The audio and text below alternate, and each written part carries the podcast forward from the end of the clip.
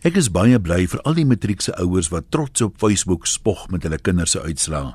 Sien dit ek mos anders dink as die meeste mense, dink ek egter meer aan die matrieks wat nie so goed gedoen het nie, veral as hulle afsteek by vriende of familie se kinders.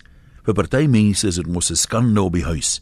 Ek wonder hoe voel hulle en wat se letsels van ek is nie goed genoeg nie dit op hulle gemoed laat. Daarom wil ek graag 'n bietjie perspektief aan hulle bring. Natuurlik is goeie punte nodig vir keuring om in te skryf vir sommige grade, maar mense met grade is niks gelukkiger as mense daarsonder nie. 'n Graad verseker ook nie 'n goeie inkomste nie. Die wêreld se 10 rykste mense het tussen hulle net 3 grade. Dis ook 'n feit dat mense wat A en B simbole in matriek gekry het, dikwels werk vir mense wat deurgeskraap het of glad nie matriek het nie. Dan is suksesvolle entrepreneurs het nie matriek nie.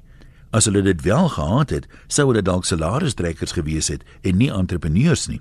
daarmee sê ek nie verdere studie is nutteloos nie, net dat matriekpunte nie bepaal wie jy is nie. Swak uitslae maak jou nie minder waardig nie en is hoegenaamd nie die einde van die wêreld nie. Ons is almal uniek en ons het ons almal unieke geleenthede. So moenie toelaat dat swakpunte jou definieer nie. Moet net nie gaan lê en 'n slagoffer word nie, want dan is jy in jou maai. Sulke mense sien probleme in elke geleentheid. Daar is egter ook geleenthede in elke probleem. Sterk dan almal wat nie waffers gevaar het nie.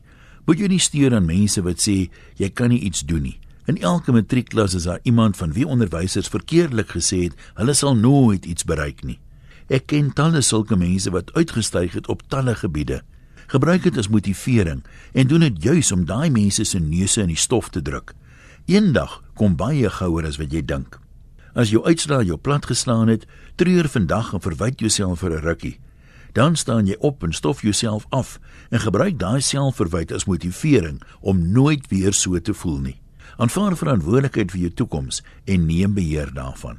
Sterkte en onthou, jy kan dit doen. Groete van oor tot oor, Antoniem.